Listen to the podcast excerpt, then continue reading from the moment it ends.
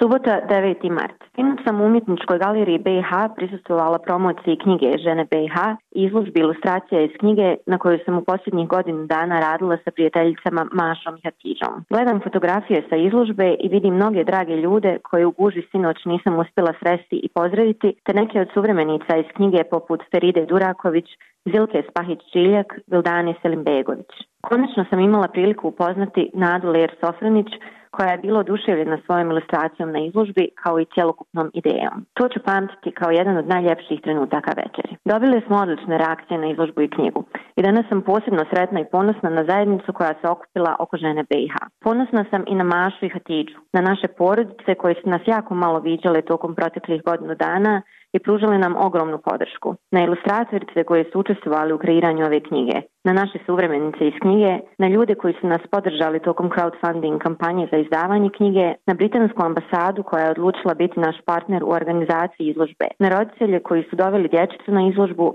kao i način na koji smo svi i sve zajedno obilježili i obilježile 8. mart. Nedjelja 10. mart.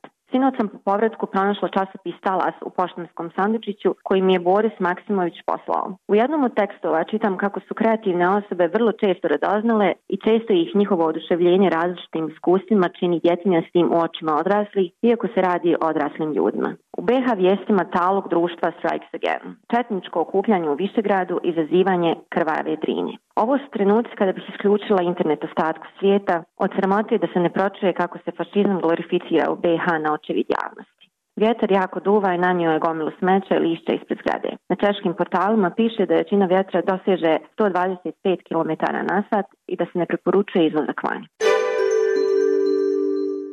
Ponedjeljak 11. mart. Mjesec mart je mjesec kada pripremam sve papire za plaćanje poreza, penzionog i zdravstvenog osiguranja, što za mene predstavlja noćnu moru, jer mi se čini da mi uvijek za nešto nedostaje još neki papir. Neka češka verzija kopije cipsove prijave mjesta boravka ne starije od tri mjeseca. Bosanska trauma. Sa kolegama odlazim na pauzu za ručak, jedemo hačapuri i supu od paradajza u gruzijskom bistrovu. Razgovaramo o izložbi žene BiH u Sarajevu i o tome šta se dešavalo na poslu dok sam bila u Sarajevu. Na mobitelu mi se prikazuje notifikacija koja kaže da je član predsjedništva Željko Komšić predložio spisateljicu Martinu Mlinarević za ambasadoricu BiH u Češkoj, gdje je pitanje ambasadora, odnosno ambasadorice, neriješeno već četiri godine. Čitam komentare na internetu. Slikala se polugola, a sad bi u diplomatiju. Ustašinca. Šta? Sad svi zaboravljamo da je bila kolumnistica poskoka. Ona je naša heroina, žena lavica. A ko je ona?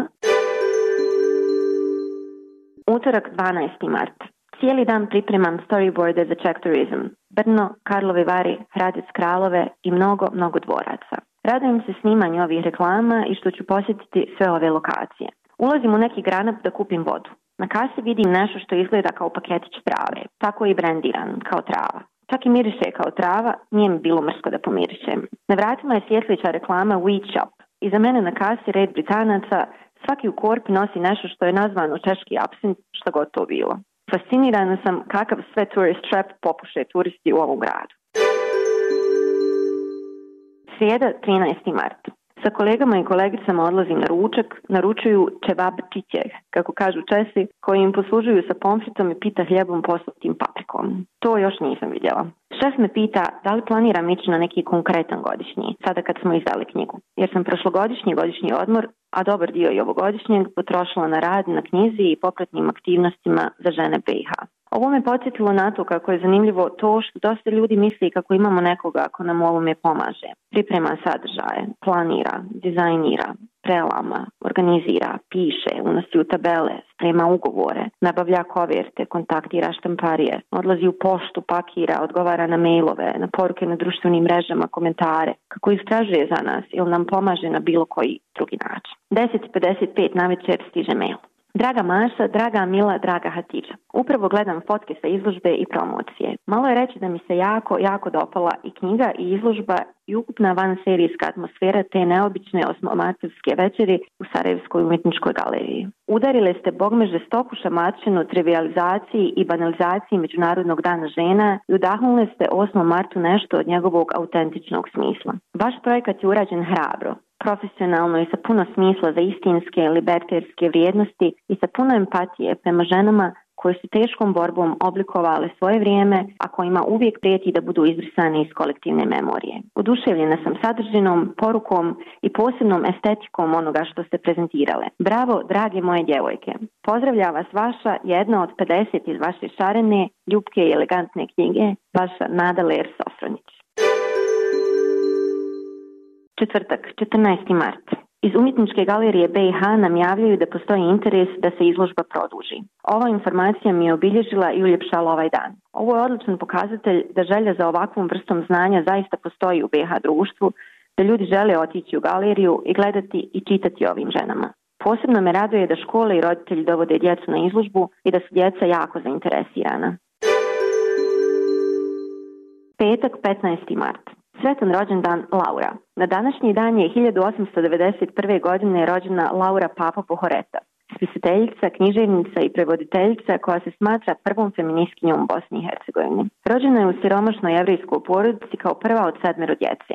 U vrijeme kada je živjela nije postojao feminizam kakvog danas poznajemo. Stoga se u kontekstu tog vremena feministički angažman odnosi i buđenje svijesti žena, njihovo osnaživanje podršku da se školuju i ne bave samo kućanskim poslovima, da se interesiraju za umjetnost te da razvijaju svoju ličnost. Upravo zahvaljujući obrazovanju, Laura je uspjela sama podići i odgojiti svoje sinove, jer joj je muž bio smješten u psihijatrijsku ustanovu zbog psihičkih poteškoća, najvjerovatnije zbog PTSD-a nakon Prvog svjetskog rata. Sinove su je Ustaše odveli i ubili još na putu prema Jasenovcu, zbog čega je i umrla s hrvana bolom.